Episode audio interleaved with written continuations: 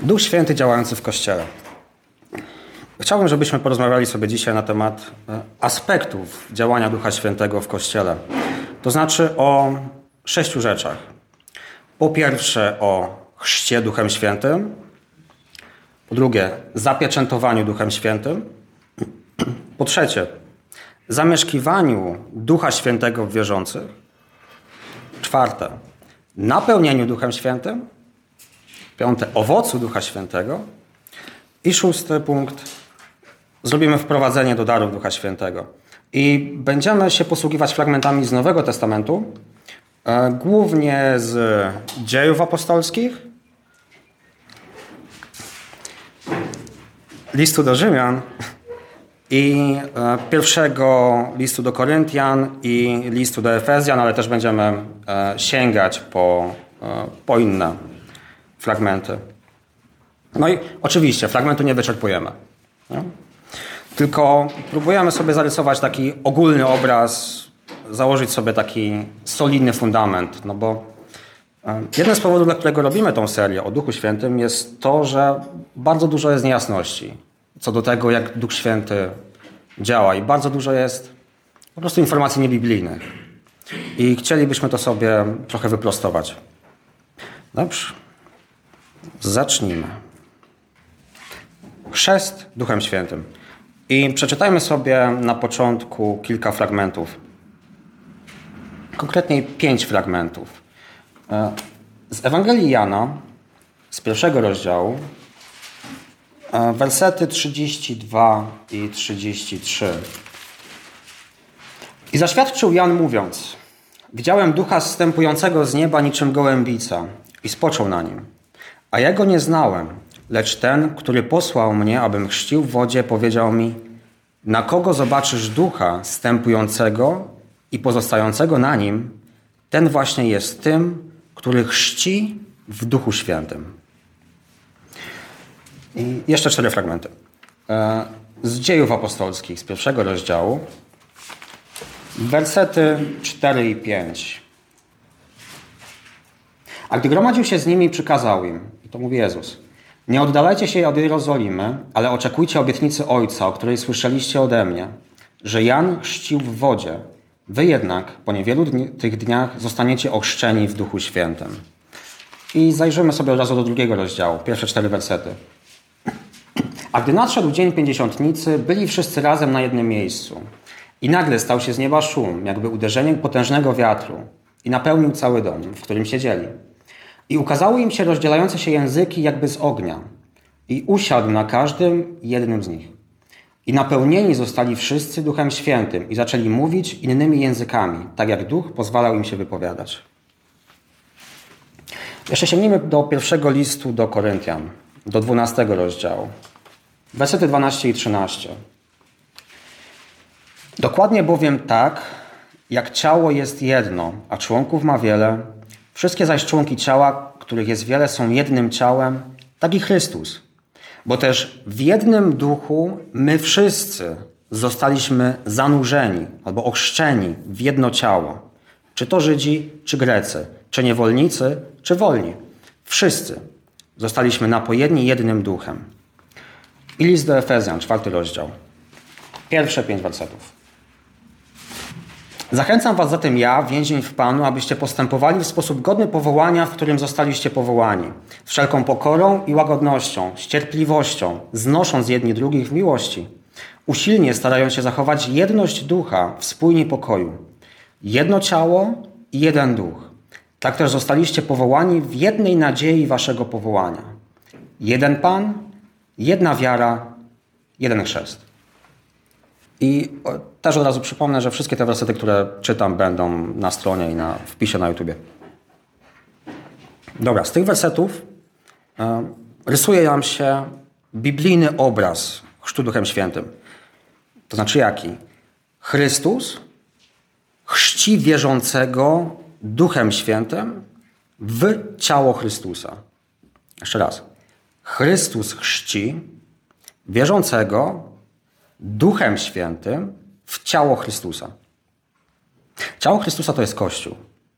I to jest Kościół, który powstał w dniu pięćdziesiątnicy. Od tego momentu zaczyna się Kościół. Kościół nie zaczął, nie zaczął się od Abrahama, Kościół nie zaczął się od Jana Chrzciciela. Kościół się zaczął w dniu Pięćdziesiątnicy. I chrzest włącza nas do tego Kościoła, do ciała Chrystusa. A skoro tak, to chrzest Duchem Świętym nie może być powtarzalny. Nie? Następuje raz, w momencie uwierzenia. Jeszcze raz. Jaki jest cel chrztu Duchem Świętym? Tak jak czytaliśmy. Włączenie wierzącego w ciało Chrystusa.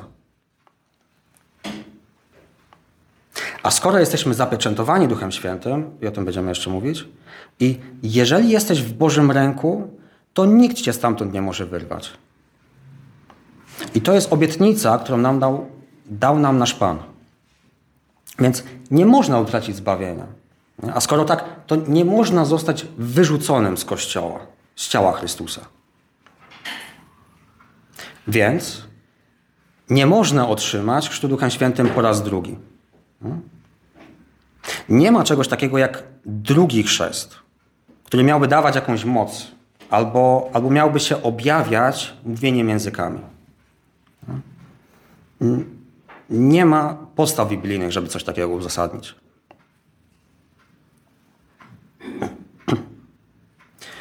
Pytanie. Czytaliśmy tutaj w dziejach w drugim rozdziale, że e, po wylaniu Ducha Świętego uczniowie zaczęli mówić językami. Czy chrztowi w Duchu Świętym zawsze towarzyszą języki? I jakbyśmy przeczytali sobie po kolei fragmenty w dziejach apostolskich, to zobaczymy, że nie. nie? Ale, tak jak czytaliśmy, wszyscy nowonarodzeni zostali ochrzczeni Duchem Świętym. Nie, nie wszyscy mówią językami. Tak jak mówi Paweł w pierwszym liście do Koryntian, e, w dwunastym rozdziale, werset 30.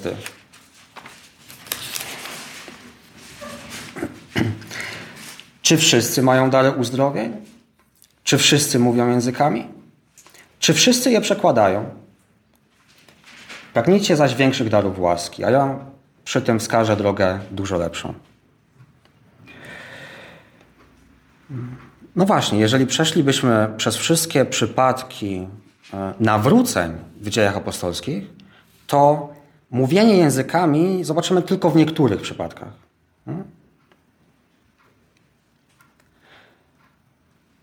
I bardzo podobnie ma się sprawa z nakładaniem rąk. Czytamy w dziejach apostolskich, że czasami Duch Święty był udzielany poprzez nałożenie rąk przez apostołów. Nie? Ale to też są sytuacje wyjątkowe. W sytuacjach, gdzie pojawiają się języki przy, e, przy nowonarodzeniu, one są zawsze znakiem dla ludzi wokoło. Zawsze. Tak jak czytaliśmy w dziejach apostolskich, że pojawiły się języki i przyszli ludzie dopytywać, co to znaczy. I podobnie w sytuacjach, gdy Duch Święty jest udzielany przy nałożeniu rąk, to jest też znak dla tych nowowierzących. I zarówno w przypadku, gdy to miało miejsce w Samarii i z uczniami Jana, w tych dwóch przypadkach, to potwierdzało autorytet apostołów. Pytanie, czy chrzest wodny to jest to samo, co chrzest Duchem Świętym? Czytaliśmy w Efezjan, że chrzest jest jeden i ma miejsce w momencie nowonarodzenia. W momencie uwierzenia. To po co chrzest wodny? I sięgnijmy do Ewangelii Mateusza, do ostatniego rozdziału, do ostatnich wersetów. Mateusza 28, 18 do 20. A Jezus podszedł i powiedział im: Dana mi jest wszelka władza w niebie i na ziemi. Idźcie więc i czyńcie uczniami wszystkie narody, chrzcząc ich w imię Ojca, Syna i Ducha Świętego, ucząc ich przestrzegać wszystkiego, co wam przykazałem. A oto ja jestem z wami po wszystkie dni, aż po kres tego wieku. Wyłania się taki obraz, że e, chrzest wodny to jest wyrazem tego, co już się stało wcześniej we mnie. To, że zostałem już zanurzony w Chrystusa, w Jego śmierć i stałem się nowym człowiekiem. Tak jak Paweł pisze w liście do Rzymian w szóstym rozdziale. I chrzest wodny jest publiczną deklaracją. Hmm? Publiczną deklaracją, że mam teraz więź z Panem. I też jest wyrazem posłuszeństwa. Także podsumowując, jednym zdaniem, o co chodzi w chrzcie Duchem Świętym? Chrystus chrzci. Chrystus chrzci wierzącego i chrzci go Duchem Świętym. I chrzci go w ciało Chrystusa. Idźmy dalej. E, kwestia druga. Zapieczętowanie Duchem Świętym. I przeczytajmy sobie trzy fragmenty. E, pierwszy fragment z drugiego listu do Koryntian, z pierwszego rozdziału. Drugi Koryntian, pierwszy rozdział, wersety 21 do 22. Tym zaś, który utwierdza nas wraz z wami w Chrystusie i który nas namaścił, jest Bóg. On też wycisnął na nas pieczęć i dał zadatek ducha do naszych serc. I o zapieczętowaniu Duchem Świętym mówią jeszcze dwa fragmenty. I, I, są one w liście do Efezjan. W pierwszym rozdziale, w wersetach 13 i 14. W nim i wy, gdy usłyszeliście słowo prawdy, Ewangelię waszego zbawienia, w którym też uwierzyliście, zostaliście zapieczętowani obiecanym Duchem Świętym, który jest zadatkiem naszego dziedzictwa do czasu odkupienia, do czasu odkupienia własności dla uwielbienia Jego chwały. I rozdział czwarty, 30 werset. I nie zasmucajcie Bożego Ducha Świętego, którym zostaliście zapieczętowani na dzień odkupienia. O co chodzi w zapieczętowaniu Duchem Świętym? Czytamy stąd, że Ojciec, Bóg, pieczętuje wierzącego Duchem Świętym i robi to jako dowód. Dowód własności i gwarancja zbawienia. Nie? I Bóg Ojciec pieczętuje Duchem Świętym wszystkich wierzących. Żaden z tych trzech fragmentów nie pokazuje jakiegoś podziału na wierzących, którzy są zapieczętowani i tych, którzy nie byliby zapieczętowani Duchem Świętym. A zapieczętowanym Duchem Świętym jest się w momencie uwierzenia. Tak jak mówili do Efezy. I zapieczętowanie Duchem Świętym jest trwałe. Nie można tego odwrócić. Te fragmenty pokazują nam, pokazują nam, że jeżeli uwierzyliśmy, to jesteśmy bezpieczni. Bóg będzie nas strzegł aż do dnia naszego całkowitego odkupienia. A Duch Święty jest nam dany jako zadatek, jako rękojmia, że Boże obietnice się spełnią. Ale też w tym 30 wersecie, w czwartym rozdziale Efezem czytaliśmy, że możemy zasmucać Ducha Świętego, którym jesteśmy zapieczętowani. Więc mm, myślę, że to powinno nas motywować, żeby po prostu unikać grzechu. I unikać okazji do grzechu w ogóle. Także podsumowując ten fragment. O co chodzi w zapieczętowaniu Duchem Świętym? Ojciec pieczętuje wierzącego Duchem Świętym jako dowód własności i jako gwarancja zbawienia. Kolejny aspekt działania Ducha Świętego w Kościele. Zamieszkiwanie Ducha Świętego w wierzących. I przeczytamy sobie trzy fragmenty e, z Rzymian i z pierwszego do Koryntian. Z listu do Rzymian z ósmego rozdziału, wersety 9 do 11. Wy jednak nie jesteście w ciele, lecz w duchu, skoro Duch Boży mieszka w was. Jeśli zaś ktoś nie ma Ducha Chrystusowego, ten nie jest Jego. Jeśli jednak Chrystus jest w was, to chociaż ciało jest martwe z powodu grzechu, Duch jest żywy dzięki sprawiedliwości. Jeśli zaś Duch tego, który Jezusa wzbudził z martwych, mieszka w was, to ten, który Jezusa Chrystusa wzbudził z martwych, ożywi i wasze śmiertelne ciała przez swego ducha, który mieszka w was. Pierwszy list do Koryntian, trzeci rozdział, werset szesnasty. Czy nie wiecie, że jesteście przybytkiem Boga i Duch Boży mieszka w was? I rozdział szósty, werset dziewiętnasty. Albo czy nie wiecie, że wasze ciało jest przybytkiem Ducha Świętego, który jest w was i którego macie od Boga, i że nie należycie już do siebie samych?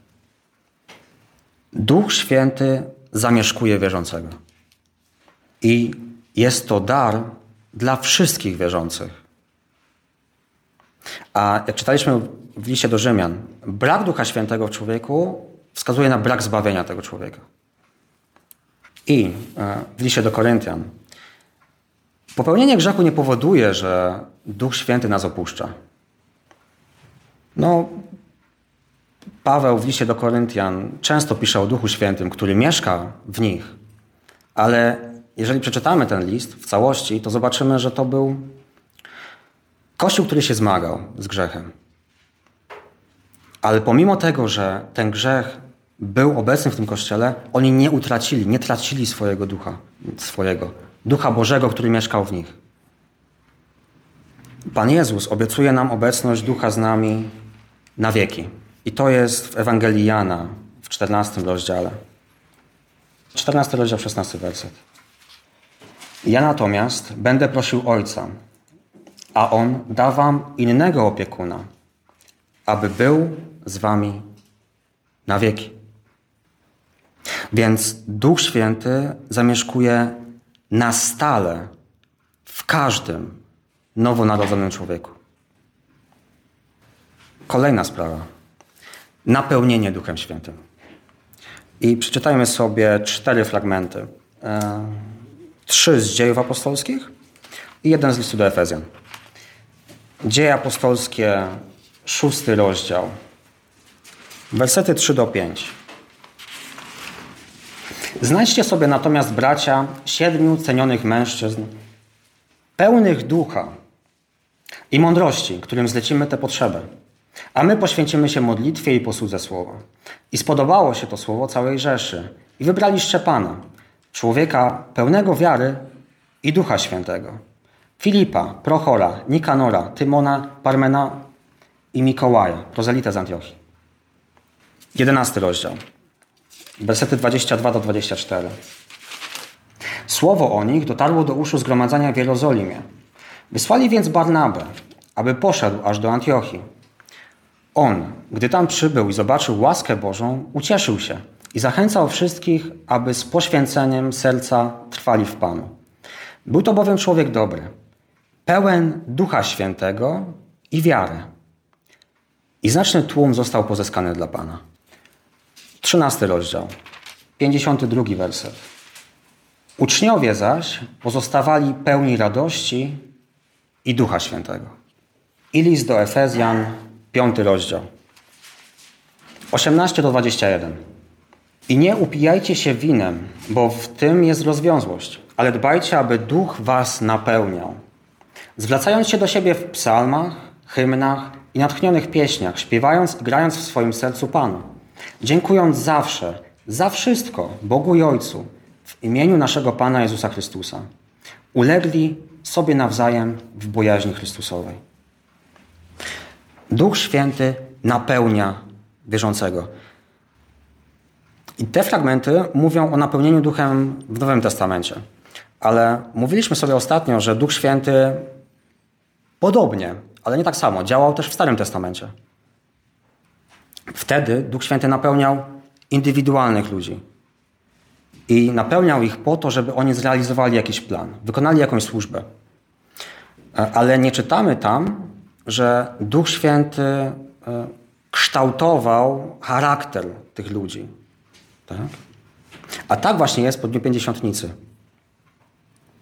I po raz pierwszy dzisiaj e, czytamy, że wierzący ma jakąś odpowiedzialność. Bo we wszystkich pozostałych rzeczach e, czytaliśmy o tym, że to czyni Bóg, to czyni Chrystus, to czyni Duch Święty. A tutaj wierzący jest do czegoś wezwany. W Efezjan 5. Wierzący nie są wezwani, żeby być chrzczeni Duchem Świętym. Nigdzie ani żeby być zapieczętowani Duchem Świętym. Tak? Ani żeby Duch Boży w nich mieszkał. Ale mamy być pełni ducha. I to jest nakaz. każdy wierzący może być napełniony Duchem Świętym, ale nie każdy jest. Tak jak czytaliśmy w dziejach apostolskich, diakoni zostali wybrani spośród grupy ludzi, którzy właśnie byli napełnieni Duchem Świętym. I napełnienie Duchem Świętym nie jest jednorazowym wydarzeniem. Raczej jest mowa, że ktoś jest pełen Ducha Świętego, tak? Czyli to pokazuje na stan tego człowieka. Co to znaczy być pełnym Ducha Świętego? To znaczy ciągle się poddawać pod suwerenną Bożą władzę. I cechami tego poddania się, czy to poddanie będzie się wyrażało tak, jak czytaliśmy u Efezjan. Będzie się budowało, będzie się wyrażało budowaniem siebie nawzajem, dziękczynieniem, uległością. W liście do Rzymian w pierwszym rozdziale czytamy, czym jest napełniony człowiek, który odrzuca Boga. I przeczytajmy to sobie. To jest pierwszy rozdział listu do Rzymian, wersety 28 i 29. I jak nie uznali za słuszne mieć Boga w poważaniu, tak też Bóg zdał ich na zawodny rozum, by dopuszczali się tego, co nieprzyzwoite.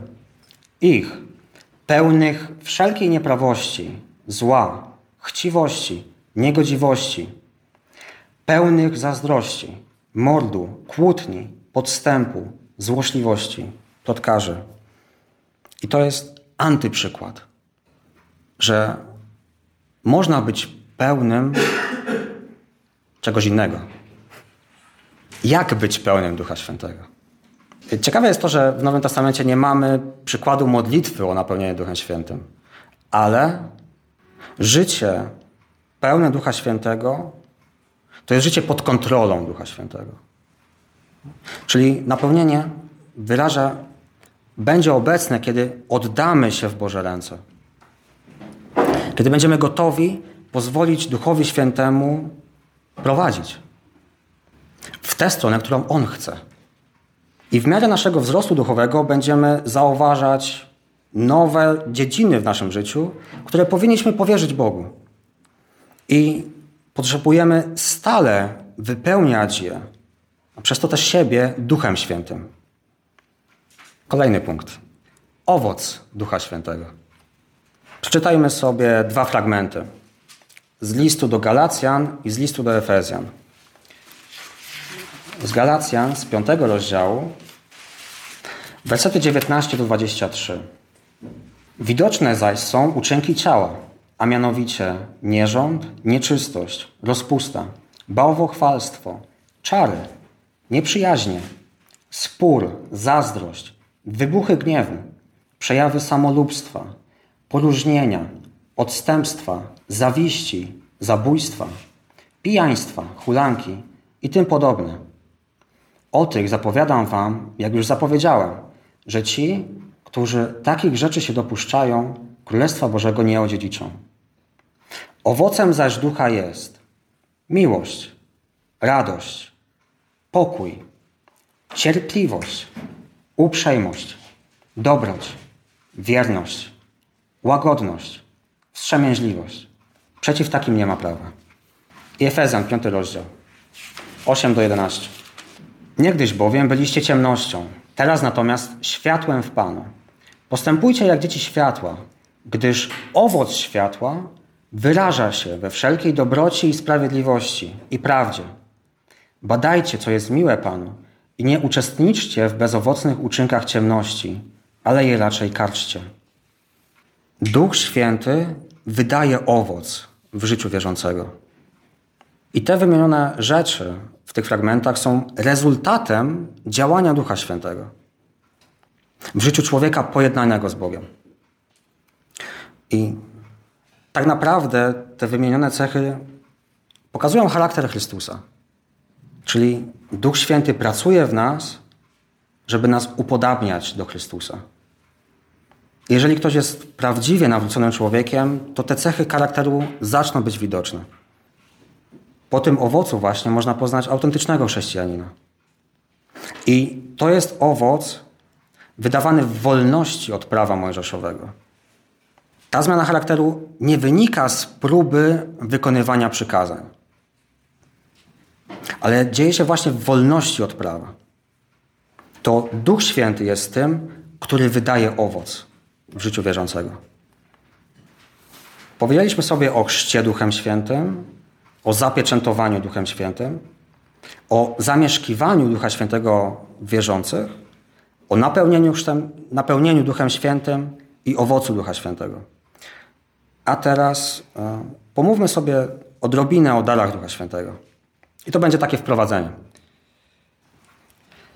Generalnie dary Ducha Świętego, czy listy darów Ducha Świętego możemy znaleźć w czterech rozdziałach w Biblii. To jest Rzymian 12 rozdział, 1 Koryntian 12 rozdział, Efezjan 4 rozdział i 1 Piotra 4 rozdział. Można by było przeczytać całe te rozdziały, natomiast przeczytamy tylko fragmenty. Przejdźmy do listu do Rzymian. 12 rozdziału. Wersety 1 do 8. Zachęcam Was zatem, bracia, ze względu na miłosierdzie Boże, abyście stawili swoje ciała jako ofiarę żywą, świętą, miłą Bogu, na Waszą duchową służbę. Przestańcie też dostosowywać się do tego wieku, lecz dajcie przeobrazić się w odnowie umysłu, abyście umieli rozróżnić, co jest wolą Bożą, co jest dobre, przyjemne i doskonałe. Mówię bowiem każdemu spośród Was, dzięki danej mi łasce, by nie myślał o sobie wyżej, niż należy myśleć, lecz by myślał rozsądnie, jak Bóg wymierzył każdemu miarę wiary.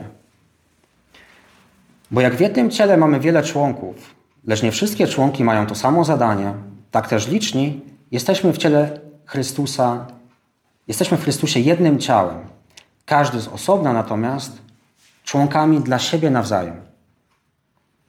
Mamy zaś stosownie do udzielonej nam łaski różne jej dary. Czy to proroctwo, według proporcji tej wiary, czy to posługę posłudze, czy gdy ktoś naucza w nauczaniu, czy gdy ktoś zachęca w zachęcaniu. Kto rozdaje, to z hojnością. Kto przewodzi, to z oddaniem. Kto okazuje miłosierdzie, to z ochotą. Przejdźmy do pierwszego listu do Koryntian, 12 rozdziału. I przeczytamy dwa fragmenty z tego rozdziału. 4, wersety 4 do 11 i później z końcówki. 1 Koryntian 12, wersety 4 do 11. Różne zaś są dary łaski, ale duch ten sam. I różne są posługi, ale Pan ten sam. Różne też są dzieła, lecz ten sam Bóg, który sprawia wszystko we wszystkich. Każdemu zaś dla wspólnej korzyści udzielany jest przejaw ducha. Jednemu bowiem za pośrednictwem ducha dawane jest słowo mądrości, drugiemu według tego samego ducha słowo poznania, innemu wiara w tym samym duchu, kolejnemu dary uzdrowień w tym jednym duchu, kolejnemu zaś dzieła mocy, kolejnemu zaś proroctwo, kolejnemu zaś rozróżnianie duchów, innemu rodzaje języków, kolejnemu wykład języków. Wszystko to zaś sprawia jeden i ten sam duch, rozdzielając każdemu z osobna jak chce. I wersety 27 do 30. Wy zaś jesteście ciałem Chrystusa, a z osobna członkami. Bóg też te umieścił w zgromadzeniu. Najpierw apostołów, po drugie proroków, po trzecie nauczycieli, następnie przejawy mocy, dalej dary uzdrowień, niesienia różnej pomocy, umiejętności przewodzenia, różne rodzaje języków. Czy wszyscy są apostołami? Czy wszyscy prorokami? Czy wszyscy nauczycielami? Czy przez wszystkich przejawia się moc? Czy wszyscy mają dary uzdrowień? Czy wszyscy mówią językami? Czy wszyscy je przekładają? Idźmy do listu do Efezjan, do czwartego rozdziału. Efezjan 4, 11 do 12. On sam też ustanowił jednych apostołami, drugich prorokami, innych ewangelistami, a innych pasterzami i nauczycielami, aby wyposażyć świętych do dzieła posługi, do budowania ciała Chrystusa. I pierwszy list Piotra, czwarty rozdział. Wersety od 8 do 11.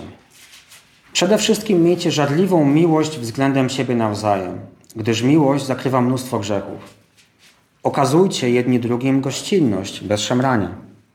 Każdy niech usługuje innym tym darem łaski, który otrzymał, jak dobry zarządca różnorodnej łaski Boga. Jeśli ktoś mówi, to jak słowa Boga. Jeśli ktoś usługuje, to w sile, której udziela Bóg, aby we wszystkim uwielbiony był Bóg przez Jezusa Chrystusa, któremu niech będzie chwała i moc na wieki wieków. Amen. Co łączy wszystkie te fragmenty? Czytaliśmy tak. Dla siebie nawzajem, dla wspólnej korzyści, w zgromadzeniu, do dzieła posługi, do budowania ciała Chrystusa. Każdy niech usługuje innym. Dary Ducha Świętego są niezasłużonym darem łaski Boga. I Bóg je rozdaje jak chce. Po to, żebyśmy służyli sobie nawzajem w Kościele. Czyli to jest jakieś uzdolnienie do wykonywania jakiejś służby. I każdy nowonarodzony człowiek otrzymał jakiś duchowy dar. Przynajmniej jeden. I te teksty raczej sugerują, że stało się to w momencie przyłączenia do ciała Chrystusa.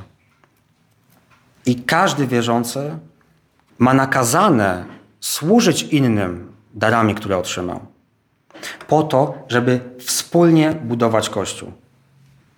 Nie otrzymałeś daru Ducha Świętego po to, żebyś miał go sam dla siebie. Dary duchowe są po to, żeby służyć sobie nawzajem.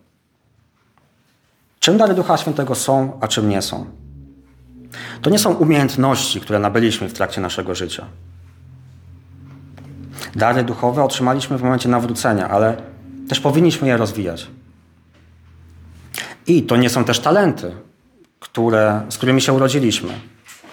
No, te też otrzymaliśmy od Boga. I nimi też powinniśmy sobie usługiwać, sobie nawzajem. No bo co mamy tak naprawdę, co nie otrzymaliśmy od Boga? Co dobrego mamy? Wszystko, co dobre mamy od Niego. Czyli dar Ducha Świętego to jest zdolność do posługiwania na rzecz ciała Chrystusa. I Bóg rozdziela te dary jak chce, pomiędzy wszystkimi wierzącymi. I On wie, jakich darów dana wspólnota w danym czasie potrzebuje. A skoro tak, to nie wszystkie pokolenia muszą mieć wszystkie dary. Spróbujmy je sobie usystematyzować. Zależy, jak, jak policzyć z tych czterech fragmentów, ale można pokusić się o rozróżnienie 18 różnych darów. I wymieńmy je sobie. Dar apostolstwa, proroctwa, czynienia cudów, uzdrawiania, języków, tłumaczenia języków, rozróżnienia duchów, dar mądrości, dar wiedzy, dar wiary, dar ewangelizowania, dar usługiwania, dar miłosierdzia, dar obdarowywania, dar duszpasterstwa, zarządzania, nauczania i napominania albo zachęcania. Ta lista jest skończona? Widzimy w tych czterech fragmentach, że te listy się różnią pomiędzy sobą, co, co sugerowałoby, że to nie jest skończona lista. Ale z drugiej strony, jakby tak, tak się zastanowić, to ta lista wydaje się jednak być kompletna. I w szczegółach będziemy o tych wszystkich darach mówić w kolejnych tygodniach. Ciekawe jest to, że pismo nie mówi, żeby odkrywać swoje dary, ale nakazuje nam używać swoich darów. Więc jak je znaleźć? Jesteśmy wezwani, żeby służyć sobie nawzajem, żeby zachęcać się, żeby obdarowywać, żeby ewangelizować, żeby być miłosierni, żeby chodzić w wierze i tak dalej, i tak dalej. Niezależnie, czy mamy ku temu dary duchowe, czy nie.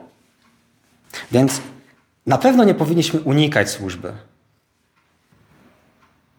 a raczej służyć sobie nawzajem, na każdy sposób, na jaki mamy okazję. I myślę, że przekonamy się wtedy, czy rzeczywiście Bóg nas obdarował jakimś darem, albo którym darem w danym obszarze. I myślę też, że bracia i siostry też będą w stanie nam to potwierdzić. A jak swoje dary rozwijać? Po pierwsze, poznawać lepiej Pismo Święte. A po drugie, po prostu służyć. Po prostu służyć i wykorzystywać swoje dary. Służyć innym. Także podsumowując, o co chodzi z darami Ducha Świętego? Duch Święty obdarza każdego wierzącego do służby w kościele. Na zakończenie. Jakie są aspekty działania Ducha Świętego w kościele? Po pierwsze, Chrystus chrzci wierzącego Duchem Świętym w ciało Chrystusa, w Kościół. Po drugie, Bóg Ojciec pieczętuje wierzącego Duchem Świętym jako dowód własności i gwarancja zbawienia. Po trzecie, Duch Święty zamieszkuje wierzącego. Po czwarte, Duch Święty napełnia wierzącego. Piąta rzecz. Duch Święty wydaje owoc w życiu człowieka wierzącego. I punkt szósty. Duch Święty obdarza wierzącego do służby w Kościele. A my mamy służyć sobie nawzajem. Tym wszystkim, co otrzymaliśmy od Boga. Amen.